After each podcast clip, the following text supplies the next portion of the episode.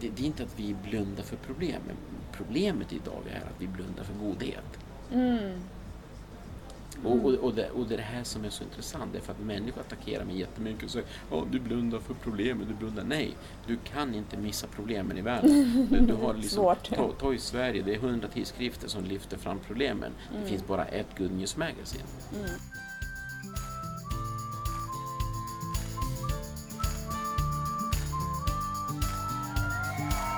Låt dig smittas av glädje i podcasten som förgyller din dag. Välkommen till Glädjepodden med Sandra och gäster.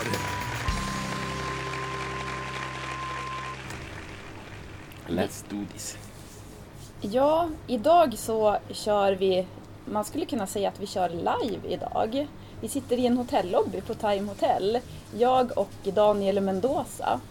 Och eh, Daniel, jag ska välkomna dig ordentligt strax, men först så tänkte jag om man ska presentera dig så väldigt kort. Kan man säga att du är författare och ägare av Good News Magazine? Eller hur skulle du vilja säga? Ja, det var oj, tack, tack för att jag får vara med. Ja. Eh, Först och främst. Eh, oj, gud vilken bra fråga. Yrkesmässigt, ja. Då, är jag först och främst författare. Jag vill se mig som författare, för, för det är eh, min, min stora dröm att kunna försörja mig och mitt författarskap. Eh, sen driver jag News Magazine, jag föreläser och en massa annat. Men, men jag är yrkesmässigt författare. Vill jag, om jag får välja. Jag väljer författare. Ja. Det ska bli väldigt, väldigt, vi har ju pratat ganska mycket Ja, här jag har innan. ingen vi- röst kvar. Ja. Jag har ingenting mer att säga. Redan innan då Ja, vi gjorde- spelade in det här. Du bjöd på kaffe en timme innan det funkade. Det var du som kom tidigt. Jag vet det. Sydamerikanen i mig. Ja. Ja, nej men det ska bli väldigt, väldigt spännande. Vi ska prata om det som jag tycker är mest intressant i, i livet, höll jag på att säga. Men, men först så ska jag faktiskt ge ett eh, julklappstips just nu. Om du vill köpa hållbara julklappar till dina nära och kära så kan du gå in via glimja.com. Det är ett e-handelsföretag inom hälsokost och de erbjuder även leksaker och lite allt möjligt. Där får du 15% rabatt med koden Glädjepodden med stora bokstäver. Och det här hittar du i poddbeskrivningen. Och jag kan också passa på att tipsa alla Umeåbor om att den 18 januari, nu säger jag det här noga för förra veckan så råkade jag säga 18 november, men 18 januari eh, så har vi final av Umeås gladaste företagare 2022 och där har vi, vi kommer ha eh, som en after work-gala för det här. Och då har vi lite eh, biljetter till förfogande för, även för de som inte är nominerade eller som är partners. Och det här vill man ju inte missa för det är en fantastisk start på det nya året. Eh, Det hittar du också i poddbeskrivningen om du är intresserad av det. Och mina kontaktuppgifter, du hittar eh, Good News Magazine och eh, Daniels, ja vi får väl se vad vi lägger där, vad Daniel själv vill att vi lägger i poddbeskrivningen. Men välkommen till Glädjepodden Daniel. Tusen, tusen tack. Vad heter Glimja? Glimja, precis. Ja, Ska vi in och kika. Ja, det är verkligen ett jättebra företag. Jag köper aldrig julklappar men någon gång måste det bli det första. Nej. Ja. Bra. Eh, hej! Hej. Om vi ska kolla läget med dig just nu. Eh, om du skulle vara en emoji just nu, vilken emoji är du då? Det var, det var en bra fråga.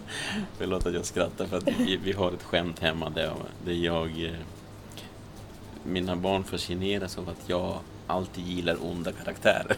I Jaha, alla filmer. Jag gillar alltid de här eh, Aladdin tecknade. Jag älskar Jafar och Jaha. papegojorna. Så, så, i alla liksom filmer, framförallt tecknade filmer, så tycker jag alltid om de onda. ja, Eh, och det är för att jag tycker de är så roliga på något sätt. jaha. Så att jag, när du sa så, vilken emoji skulle jag vara, så tänkte jag på en liten ond figur. Eh, men jag kom inte på vilken som skulle se lite ond ut. Jag vet inte, någon, ah, Jag kommer inte heller någon på liten någon. djävul med horn eller någonting. Just så. det, okej. Ja men du, eh, du, du Ja, för att vad intressant. ja, det är intressant. Det är därför att Eftersom jag fick välja. Ja, du får välja. Och i och med att jag får välja så... Jag räds ju inte ondska. Mm. Och, och, och, och jag tycker att vi, vi är alla nyanser.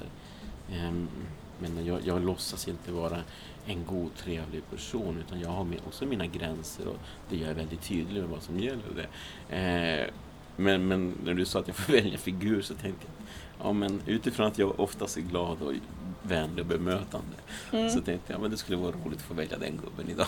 Ja. så, så jag vill vara en sur gubbe idag.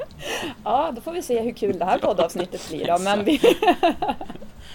går åt skogen redan nu känner jag. Nej men, Nej, men jag gillar ju, jag föredrar ju på något sätt ändå äkthet före glädje. Mm.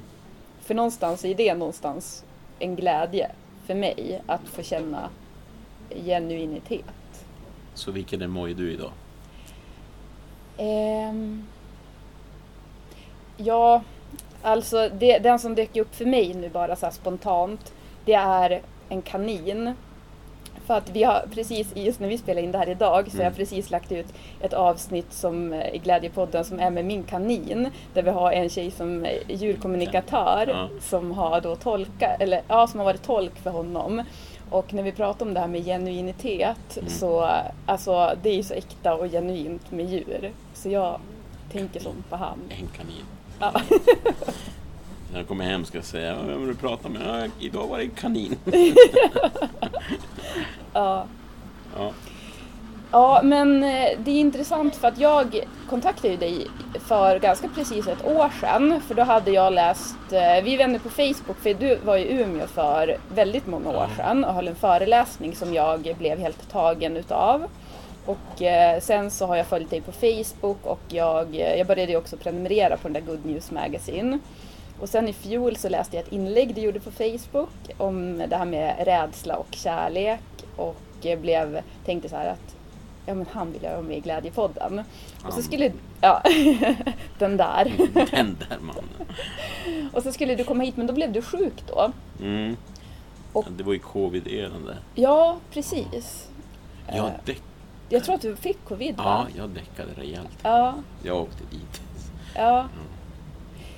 Och sen för nu, inte speciellt länge sedan, så var det en poddlyssnare som hörde av sig till mig och skickade en, ett klipp från när du var med i en dokumentär som heter När livet vänder. Mm.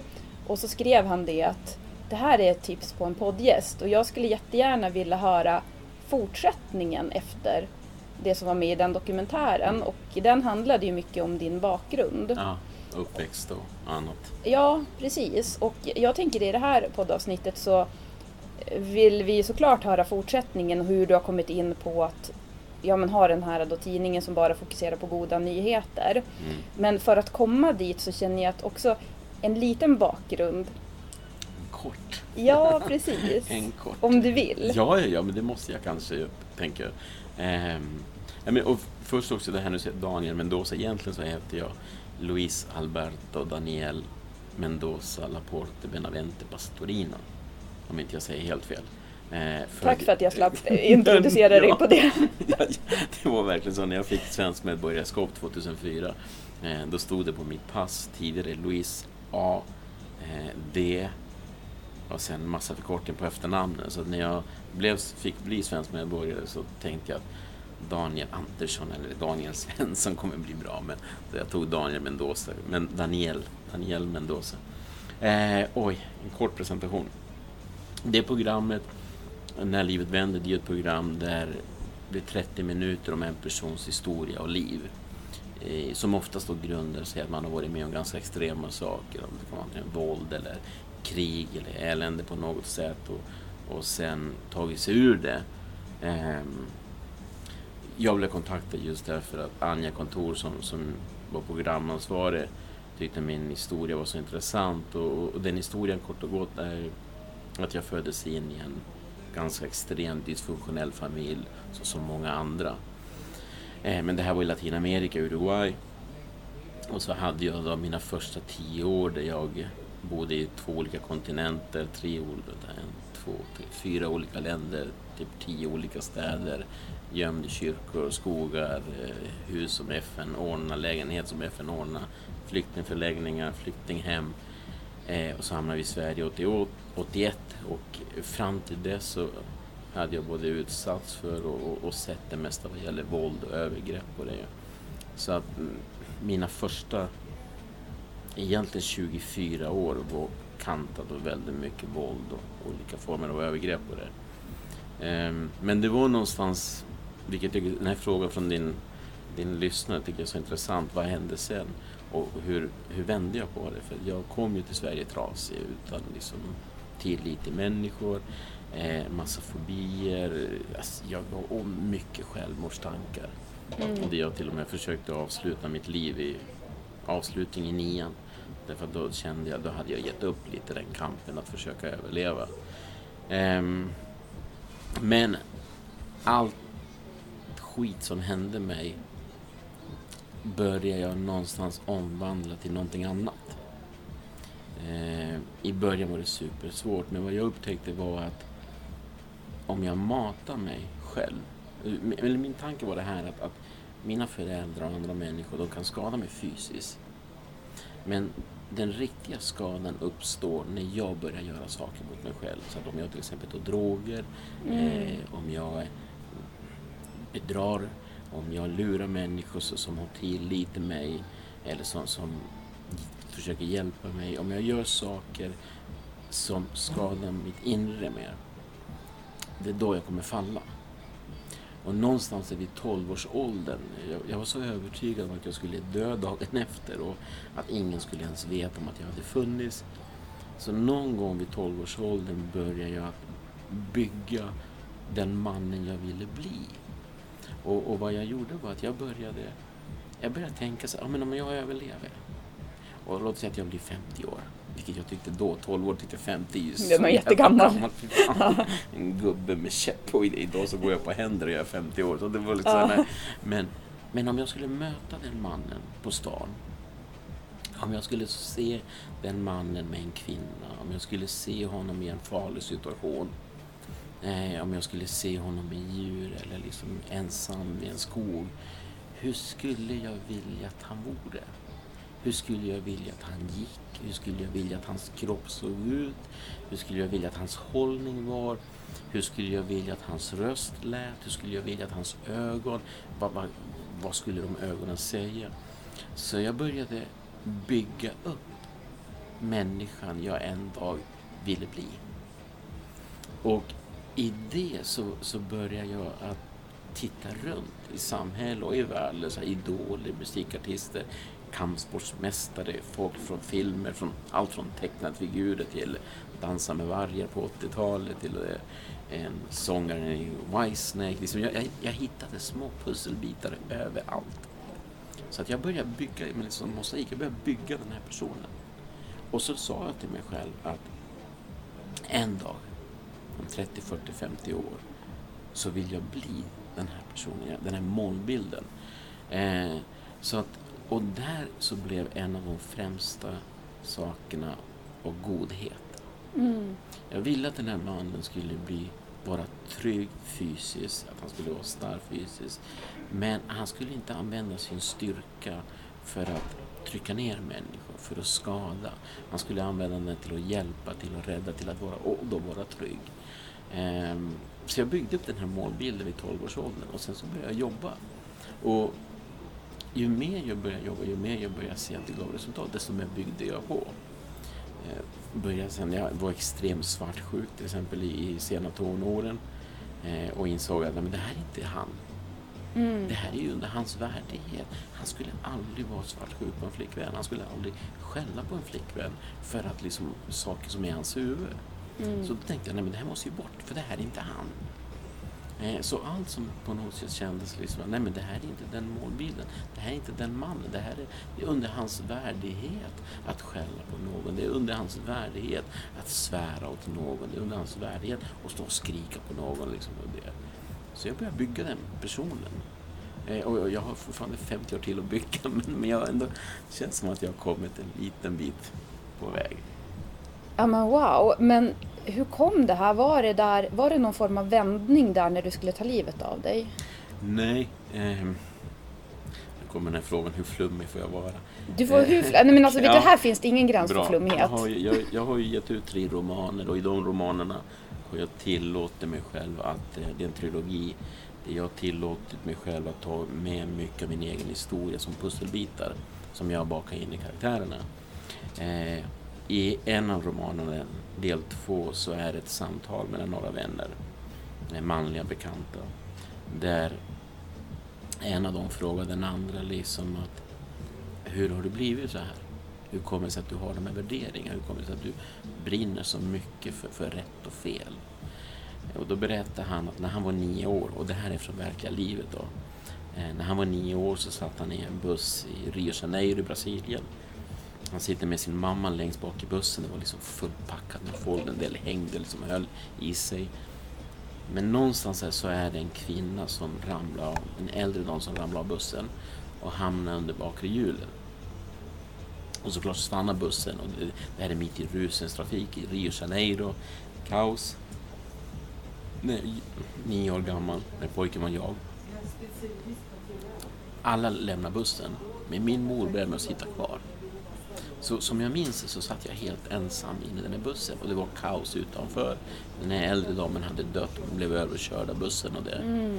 Och folk skrek och det var liksom ett, ett jäkla liv. I det här så blir det helt tyst. Totalt tyst. All- Alla ljud försvinner. Och så hör jag en kvinnoröst, en sån här klagosång som börjar spelas upp in i bussen, tycker jag. Och så ser jag en varelse som påminner om en orm som är totalt som, som en vattenstråle transparent som kommer in från förardelen längst fram i bussen. Och nästan som att den svävar i luften ända fram till mitt ansikte och är 10, alltså en decimeter från mitt ansikte. Och när jag ser den här varelsen så ser jag ett ansikte, ett kvinnoansikte. Eller något liknande. Och jag känner hur den här varelsen tittar djupt in i mig. Inte i mina ögon utan djupare in. Och vill kolla att jag är okej. Och så lämnar den bussen. Försvinner. 2000, nej, vänta, när jag var 14 år då bodde jag i Sverige.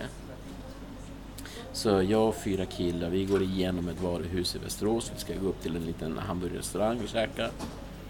När vi kommer igenom det varuhuset på andra sidan så står en brandman och spolar någonting.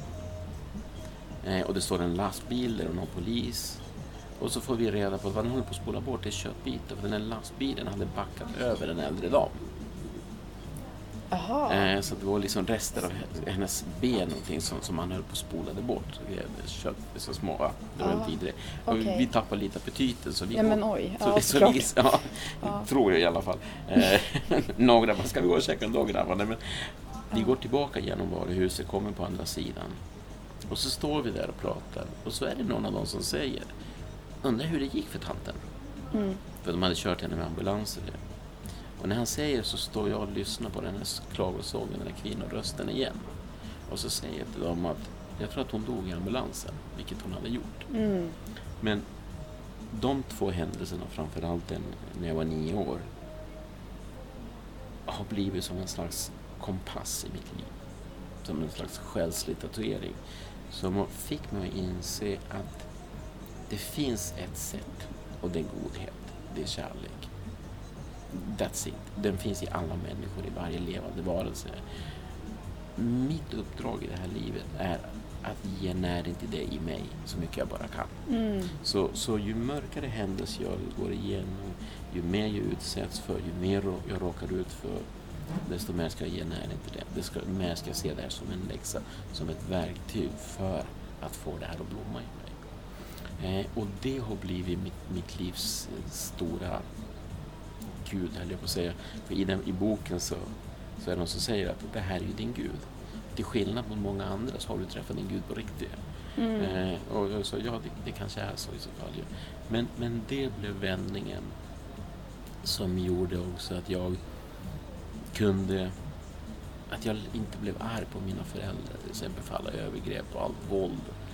Ehm, att jag har haft väldigt svårt att bli arg på människor som gör fel. Därför att att, att vi gör fel, att vi beter oss illa är ju en trasighet. Mm. Det, det, det betyder att vi inte kan hantera oss själva.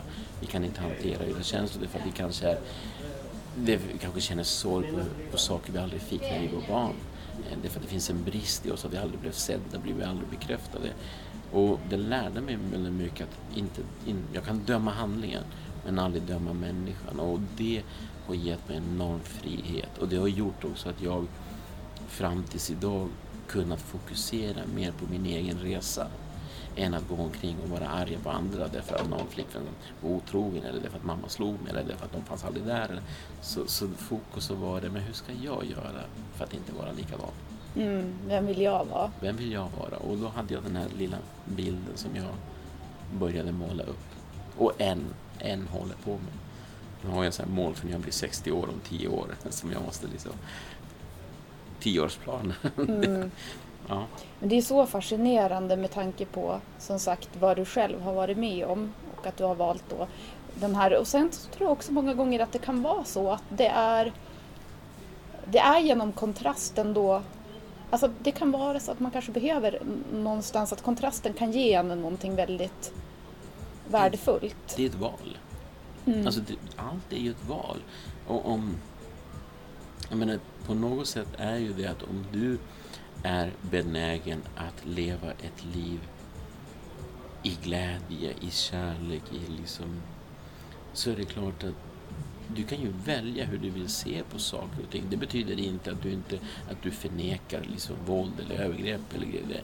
Men du väljer hur djupt vill att det här tar dig. Och framförallt, du väljer vilka handlingar du vill begå Mm. utifrån det. Eh, så för mig är allt ett val. Om, om jag liksom om mina söner gör någonting dumt eller min hustru eller någon i trafiken eller jag själv. Jag kan ju välja hur jag vill bemöta det här. Vill jag bemöta det med kärlek eller vill jag bemöta det med vrede? Om jag möter det med vrede, vad säger det om mig? Mm. På samma sätt, ett exempel det är att om någon, vi pratade om det lite tidigare, då, att om någon skulle hota mig eller om någon kommer för nära in på med personangrepp och jag säger till personen backa och jag är väldigt tydlig med att den behöver backa för att annars blir det en fysisk konfrontation. Och den personen på en gång lyfter upp sina händer och säger förlåt, det var inte meningen. Då säger nej men kom. Då låter jag den komma in inom min privata sfär. Därför att jag ser hos den personen att den visste inte om att Mm. den gjorde fel. Eh, och, och det här är dilemmat där att många människor vill ju leva i frihet, de vill leva i kärlek, de vill slippa vara arga. Men de märker inte att alla de här verktygen finns i dem själva. Mm. Vad som är viktigt är ju det att du behöver använda det varje dag. Mm. I, I varje situation. Du kan inte träna på det en gång om året. För det kommer aldrig hålla. Så, så i varje situation som uppstår i ditt liv, till och med när, när en mygga sätter sig på din hand eller du råkar sparka in tån på ett bord. Det är ju tillfällen för att träna på hur du vill vara som människa. Mm. Så för mig, jag, jag välkomnar inte smärta. Jag välkomnar inte det, det trasiga, det illa, saker som händer mig. Men jag välkomnar utveckling och jag välkomnar möjligheterna jag får till att utvecklas och till att också testa. Har jag kommit dit där jag vill vara? Eller behöver jag träna mer? Mm. Det var en vän till mig som, som sa en gång att att hata dig är bland det värsta man kan göra. Sa han till mig. Och han, han är en fantastiskt cool person.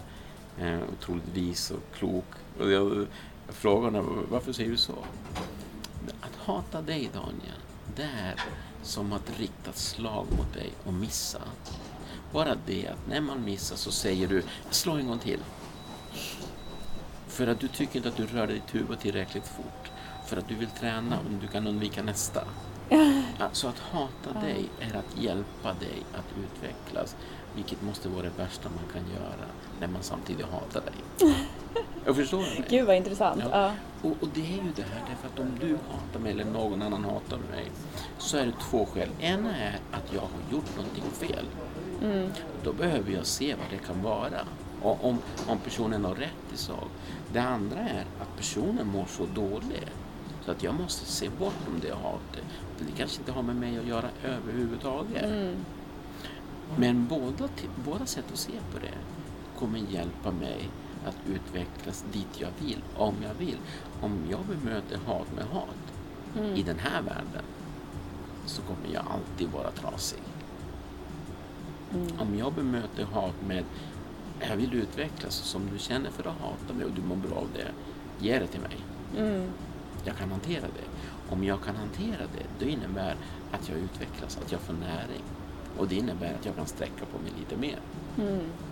Men det här är min resa. Ja, och så har du startat då ett magasin för att bara uppmärksamma det goda i världen. Det positiva. Ja, Good News Magazine. vad är Vilken Syftet dåre, med det? någon som sa. underbart säger jag. ja, men det, det säger sig självt. Om, om, vi, om vi bara tittar snävt på vår art, på vår framtid, på världen. Då kommer vi se vad massmedia vill att vi ska se. Hat, hån, förolämpningar, misär, katastrofer, undergång och allt det där. Vi ser vad religioner vill att vi ska se. Armageddon, inferno, liksom allt med det. Om vi tittar djupare bortom så kommer vi se att mycket som händer i världen bygger på rädsla, krig. Eh, girighet bygger på att människor vill ha trygghet. Rasism bygger på att människor är rädda och vill skydda sina. Så, så vi börjar titta djupare så ser vi att det finns ju en annan, folk som vill döda vargen eller som vill döda rovdjur eller vill döda ro, eller liksom ormar eller mygg eller spindlar eller vill liksom hålla kulturer isär eller religion. Det bygger så mycket på en rädsla i oss. Mm.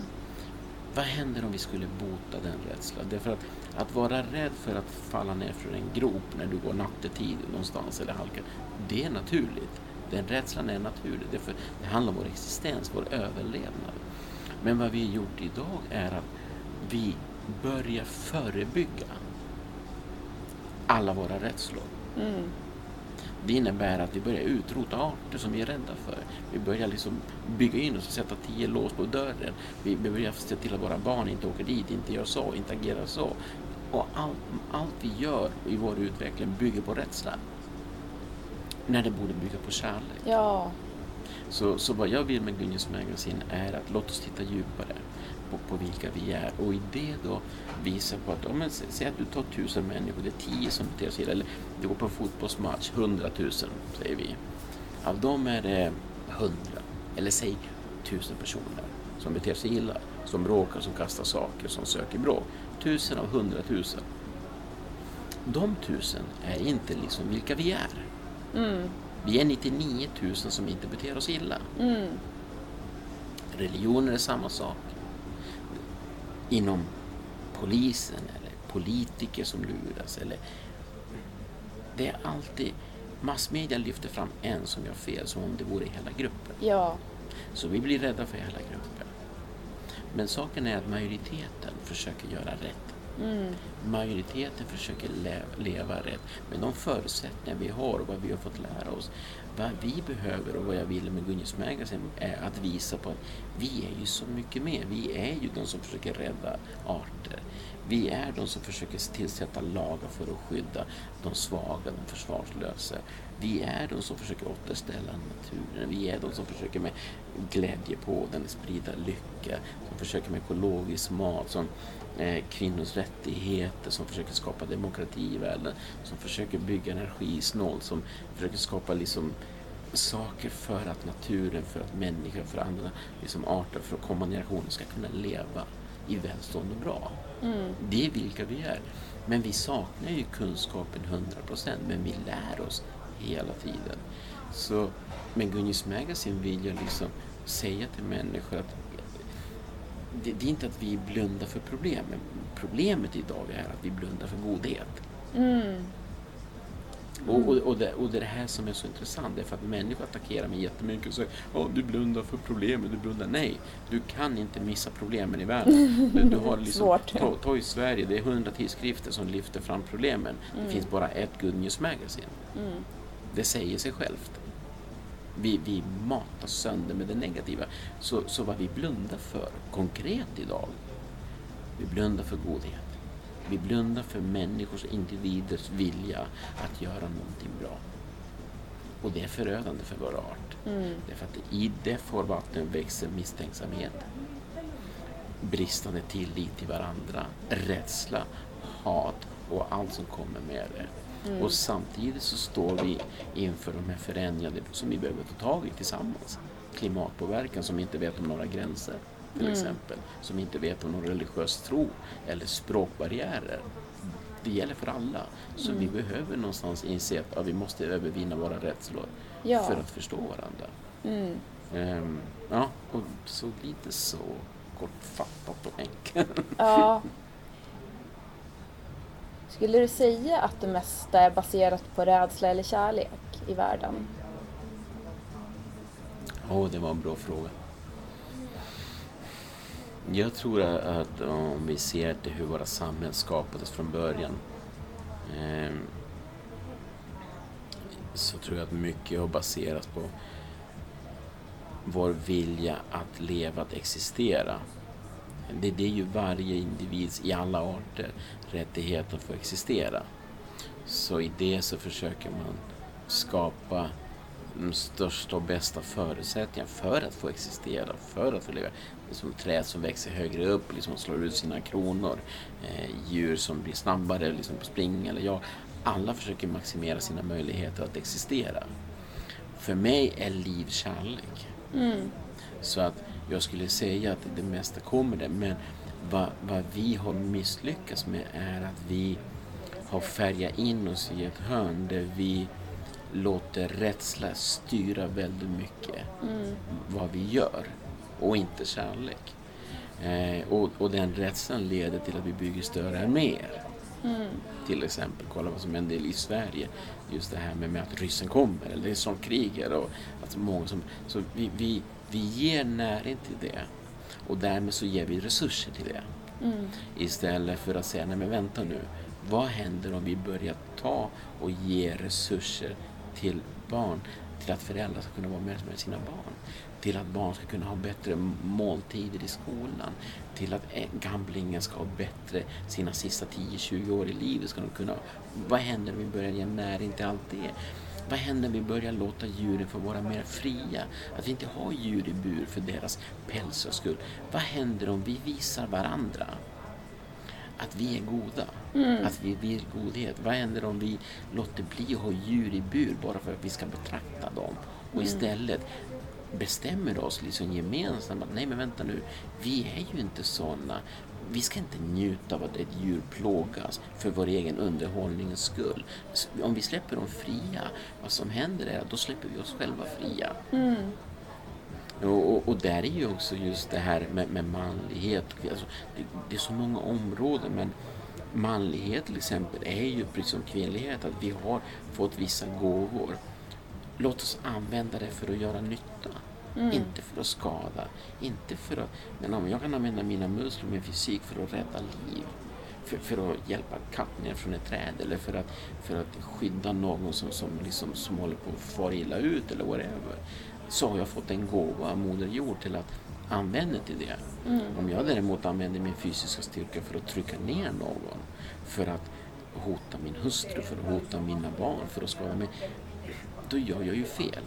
Jag använder den här gåvan på fel sätt. Och jag tror att om vi kunde lära oss beslutsfattarna liksom, från riksdagen ner till, till individen. Att hur kan jag maximera min godhet? Så att även jag får ut någonting bra av livet. Hur gör jag det? Hur, hur kan jag hjälpa till att minska rädslan människor har? Hur kan jag hjälpa till att minska lidande vi utsätter varandra och andra arter för? Och, låt, och om det kan bli min vägvisare genom livet, om den godheten kan bli min kompass, hur bra kommer jag att må?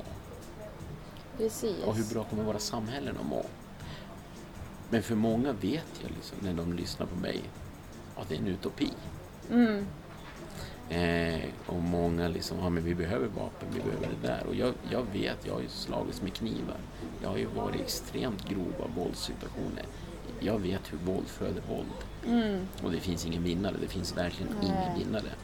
Och Om, om du rustar upp med en kniv så kommer någon rusta upp med en pistol. Om du rustar upp med en pistol kommer någon annan rusta upp med en kulspruta och en annan med kanon och en annan med större armé. Och vart tar det slut någonstans? Jo, att ingen finns kvar i slutet. Ja. Det är den vägen. Om vi rustar upp med kärlek varandra. Vart tar det vägen då? Det finns inget slut. Och det är det där som börjar i varje människa, att man ser igenom sina egna rädslor. För det tror jag nästan alla människor har någon form av rädsla i sig. Såklart. Och eh, det där kan jag ju själv känna har varit väldigt tufft att så här, krossa sina egna illusioner. För att någonstans så krävs det en del mod att göra det. Har jag känt att verkligen våga fullständigt lita på. Och då har jag ju hittat, jag berättade det för dig här innan också, att där jag har haft tryggheten när jag har känt mig som mest otrygg, det är att tänka tanken, vem vill jag vara? Mm. Hur vill jag vara? Vem vill Ja, jag vara? precis. Men rädsla är ju också, det finns ett missförstånd i det, det är att rädsla är ju någonting naturligt. Det, det är ju det här existen- existensberättigande. Så rädsla är någonting som hjälper oss, som säger var försiktig. Eh, men det är en enorm skillnad, vilket jag pratar mycket om, framförallt under mina föreläsningar. Det är en enorm skillnad på att ha rädsla och att rädslan har dig. Mm, Och vad vi ser i samhället idag när det gäller gängvåld till exempel så ser vi att rädslan har människor. mm, Då agerar man utifrån det. Mm. Och det är klart, den som är rädd agerar utifrån sin rädsla kommer skjuta först och fråga sen. Den Just det. kommer döma först och fråga sen. Den kommer inte våga stanna till. För, Mm. för det är lite som att du är inne i ett uteställe och det börjar brinna. Någon skriker det brinner och du känner doft. Du börjar ju springa dit alla springer. Vad du inte hinner kolla är, tänk om de springer åt fel håll. Mm, Därför att du fångas ju av, av rädslan så du sticker du med. mm, Och, och det händer så mycket väl idag just det här att när vi betraktar krig, när vi betraktar terrorister, liksom attacker, saker som sker, att vi agerar utifrån rädsla. mm, Och det innebär då att rädslan har oss. mm. Ehm, och det är ju också lite en sån sak med, med Gunjes Magazine. Jag vill säga till en människa att rädsla är ju någonting som alltid varit viktigt för oss att ha. Men vi befinner oss i en tid där rädslan har oss.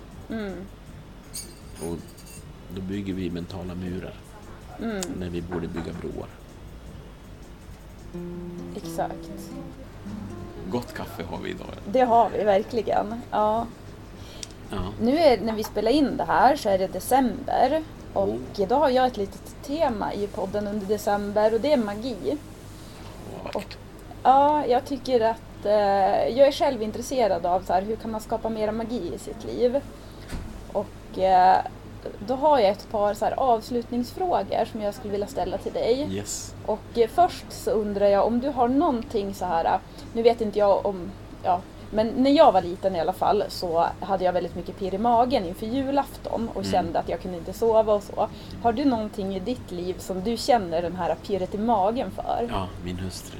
Ja. Ja, vi har varit ihop i 24 år och eh, vi, vi brukar, alltså det, det är lite, ja, varje... Jag kan ju vakna på morgonen och längta tills jag ska gå och lägga mig och sova igen. För att vi har en grej där vi lägger oss nära varandra och sen så krokar vi ihop våra armar och ben. Eh, och det här har vi liksom i 24 år. Vi kunde sova i en soffa, alltså en liten soffa där vi liksom kunde sova hela natten varför vi låg nära varandra. Men vi säger det båda två att det lilla pirret, det jag vet att jag, oavsett vad jag upplever under dagen, oavsett om jag behöver fundera på hur, om jag ska lägga ner mitt företag eller konkurs eller problem med barnens skola eller whatever, så vet jag att jag kommer avsluta dagen med att jag kryper ihop nära den här människan. Jag kommer liksom slänga våra ben runt varandras ben och vå- våra armar och sen så hör vi en av oss kommer säga ah, hemma. Mm. Så det, det, är, Wow. ja, det är mitt livs just nu. Ja, Eh. åh så fint. Ja, och det, men det är 24 år som vi har slitit för att komma dit Mm. eh, med allt det innebär. Mm. Eh, det, det vi har valt alltid att ja, ja, men då, vi ser det här med kärlek. Mm. Men, men det är magiskt och, och det gör att jag, jag längtar till, till natten, till det ögonblicket. Det är så fint tänker jag då också att ha den tryggheten att veta det som du sa under dagen. Att det finns någonting Ja. så fint där Det i dagens slut oavsett hur dagen är. Det är min lilla magi. Ja, Det är verkligen under många år när det var tufft mellan oss och ekonomiskt hade vi skitsvårt, vilket vi fortfarande har ibland. Så var det så varje natt så när jag la mig om henne så höll jag om henne och så sa jag allting, allting kommer att bli bra.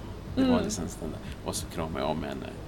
Eh, och det var just det här att avsluta dagen med en kram, med, med jag älskar dig, med allt kommer att bli bra, med hemma. Eh, och samma med våra söner. Vi har aldrig gått och lagt oss utan att de fått en kram. Liksom en jag älskar dig kommentar eller någonting sånt. Aldrig någonsin. Mm. Det händer inte. Eh, så det, det, det, ja, det är min magi, dagliga magi. Men det finns mycket. Ja, men för att jag tänkte, ja, den andra frågan som jag tänkte ställa Ja. det är just så här, hur upplever du, har du något tips på hur man kan uppleva mer magi eller hur upplever du magi? Men nu har du ju svarat på, så det där var ju väldigt magiskt, men du Ja. kanske har något annat också? Nej, men, men, men tips är ju... Alltså, det här med tips, det är så svårt för att jag menar, vad som funkar för mig behöver inte funka för Johan eller José eller Maria. Mm. Liksom, men, men utifrån, om någon söker inspiration och tänker att ah, men den här Daniel Mendoza, han verkar kunna ha lite som jag kanske kan kolla. Men, men ett tips är ju det att med mina söner så, var det så bra där vi satt i bilen, som svar på det, för så säger eh, äldsta sonen, då var han 8-9 år, och så säger jag, ja, jag skulle vilja fira Halloween, säger han. Mm. Och så svarar jag, ja, ni vet hur jag är, jag firar inte högtider, säger jag i bilen. Min hustru tittar på mig och så säger jag, men min kära, du firar ju ingenting. Du, du, alltså, om det inte vore för mig skulle du inte ens fira våra födelsedagar. Mm. Och jag skämdes lite. Och äldsta sonen han börjar så här reflektera så säger han så här. Ja, fast mamma, det där stämmer inte riktigt. Det stämmer att pappa inte firar högtider. Men pappa firar livets alla dagar. För pappa så är varje dag ett tillfälle att göra någonting roligt. Och, och det är så, vi, vi var uppe i, på Mallorca, vi är ofta på Mallorca, älskar att vara där. Och så bodde vi på ett hus uppe i bergen. Kommer, klockan är kvart över nio, kommer till huset på kvällen och säger ena sonen bara Gud vad det skulle vara gott att åka till Valdemossa, en by som är på andra sidan berget och käka så här glass med djurgubbar och grädde. Pappa, skulle inte du gilla det? Eh, och, och deras magiska mamma säger Nej men killar, det är för sent, vi kommer inte hinna. Och jag slängde snabbt, liksom, kollade på klockan snabbt och barnen tittade på mig med så stora ögon. Och jag bara killar, jag tror vi hinner. så, vi satte oss i bilen, körde ner för berget, runt allt, upp för berget igen på andra sidan. Han till byn tio minuter innan den stängde. Eh, Så vi satt där och liksom käkade glass och djurgubbar och grejs supergott. Och då säger ena sonen att det är det här pappa, det här är med dig. Du, om du får tillfälle att njuta lite extra så tar du vara på det. Mm. Så, så tipset är ju det här. Ha inte så bråttom genom livet.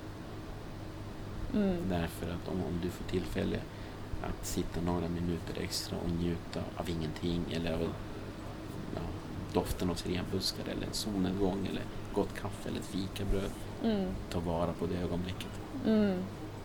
Verkligen. Ta Mm. vara på det som, som den gåva du ger dig själv. Mm. Det är magi. Det är magi. Mm. Magi i livet är ju det är vad vi skapar. Och, jag, menar, jag har mina böcker som där pratar jag väldigt mycket om magi men just det här jag, jag är ju en, eh, en vän till oss. Vi var på Mallorca och så hade vi beställt kaffe. Och hon kommer, jag, jag sitter med min hustru och sitter mitt emot mig. Och så kommer den här vännen in. Och så ser hon att jag sitter med en kopp kaffe. Och så säger hon till mig, men du dricker ju inte kaffe. Mm. Och så säger min hustru, kära Linda, eller vad hon heter, kära Linda. Min man, det handlar inte om kaffe. Det handlar om njutningen av, av att ha en kopp kaffe framför sig. Och hon börjar skratta, våran vän. Alltså, Du förstår, min man, han är en obotlig romantiker. Så det är, inte att han har, att inte att han dricker kaffe, han gör oftast inte det. Det är bara känslan av att hålla i en kaffemugg, doften, värmen. Så han är i sin egen lilla rosa värld just nu. Och det, så, och, och där är liksom, det är min magi. Ja. För, för att jag vet att om jag har det här möjligheten att sitta och ta en kopp kaffe. Jag, jag, min puls slår, jag mår hyfsat okej. Jag har en familj som har massor med kärlek och, och jag ser mycket kärlek i världen trots allt skit som finns. Så att vem är jag då att inte kunna njuta? Mm. Gud vad inspirerande. Ja, det hoppas jag. Ja. Men vi har en tävling nu också i fan. podden. Nej men det, det är för alla lyssnare. Du får ju såklart också vara med. Men Nej men det är i alla fall just det här med Jag vill ju uppmuntra till att eh, uppmärksamma magi. Mm. Så att det kan man göra. Det finns en sida på Facebook som heter Glädjepoddens vänner. Där, kan man, där får man jättegärna dela sin magi. Glädjepå, glädjepådens vänner. Ja, precis. Om man vill lägga ut någon bild på någonting, ja men det kanske är kaffekopp eller någonting Ja. man tycker är magiskt. Eller skriva någonting som man känner är magiskt. Eller om man vill eh, dela på Instagram, hashtagga Glädjepodden. Eller om man vill mejla mig så finns mina kontaktuppgifter i poddbeskrivningen. Och då kan man vinna D-vitamin från vitaminer.nu. Och- Hur låter du det? Är det Eh. någon, vem, får, vem vinner? Hur vinner man? Ja, bland alla som delar och uppmärksammar sin magi så Okej. väljer man ut någon. Okej, kan, vi, kan jag lägga dit min trilogi som gåva? Som, som Ja. vinpris? Ja, Ja, absolut. så Jättebra. så då gör vi så att en, en av de som du tycker, den får Ja. min trilogi hemskickad. Ska vi berätta, berätta gärna kort vad det eh, handlar om? Ja, eh, okej. Det handlar om eh, alltså livsöden. Eh, första boken, den enda, samma titel på den enda, handlar om en offentlig person i Sverige eh, och en kvinna som, blir, som börjar följa honom på sociala medier och, och blir jätteförälskad i honom och framförallt hon finner ett hem i hans värderingar, hur han är och hur han verkar vara. Eh, sen vill då ödet sitt, så de här personerna träffas en dag och det uppstår enormt mycket mellan dem. Eh, så lite, men, men problemet där som, som är liksom, som är genomgående genom första boken är att hon ser sig själv som en trasa. Så hon har så svårt att se hur den mannen som hon tycker verkar vara allt kan se henne. Vad hon inte vet att han ser likadant på sig själv. Och han ser henne som den vackraste kvinnan någonsin har mött i själ och liksom yttre. Så, så boken handlar om hur kan två personer med så lite, så svag självkänsla och så lite själv, hur, vad händer när de möts? När de samtidigt har så mycket kärlek de bär på. Eh, så den boken, den första delen handlar om deras resa, Nathaniel och Elma. Bok två, som är fortsättning, börjar lite i den boken. Men ju mer man kommer in i den boken, desto mer börjar man... Det, det börjar med två andra karaktärer. Men ju mer man kommer in i boken så börjar man se att det finns en koppling till Nathaniel och Elma. Och i tredje boken så, det är från nutid tillbaka till 1500-talet i Spanien. Och så börjar man se att de här livsöden har, är sammanvävda genom historien flera hundra år tillbaka till nutid. Är det samma själar? Kanske det. Kanske. Det, det, den, eh, att aha, jag ska inte prata. Ja, Jag kommer ställa en fråga nu och vill du inte svara så behöver du inte svara. jag lovar. Men jag blir så här ändå ny- nyfiken. Är det ett lyckligt slut?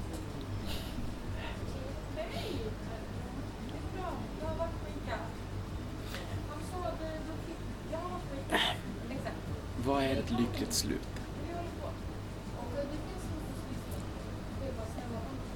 Ja, att de ser igenom de där illusionerna och kan mötas i kärleken. Ehm, om jag säger så här, det är ett vackert slut. Okej. Mm.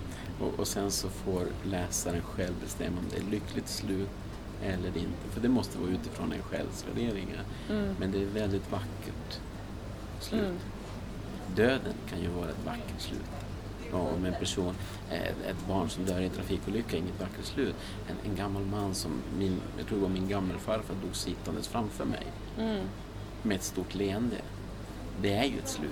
Och det är ett Mm. väldigt vackert slut. Men för de som, som lever kvar och älskar så kanske de inte alls vill ha det slutet. De vill ha personen kvar liksom i livet.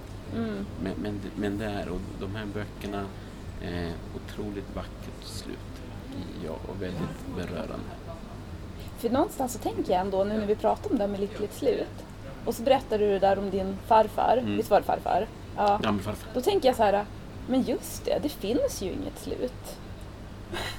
Så tänker jag. Jag tänker ju att det är en evighet. Livet är ju så. Alltså någonting omvandlas. I, Det är ju inte så att din farfar, han har ju inte, alltså han har ju, tänker jag, bytt skepnad Ja, hans fysiska kropp och det. Eh, och, men det här är ju också det här, vad väljer man att tro på? Jo, så är det Så, ju. så är det. Och, och jag tänker så här att menar, om, så, som, som det jag uppfattar som nioåring i den här bussen i Rio Janeiro. Jag har ju valt att göra det till min sanning. Mm. Men det behöver inte vara någon annan sanning. Nej. Så, så det är klart att jag väljer att se hans slut som ett lyckligt slut, ett vackert slut. Eller vill se.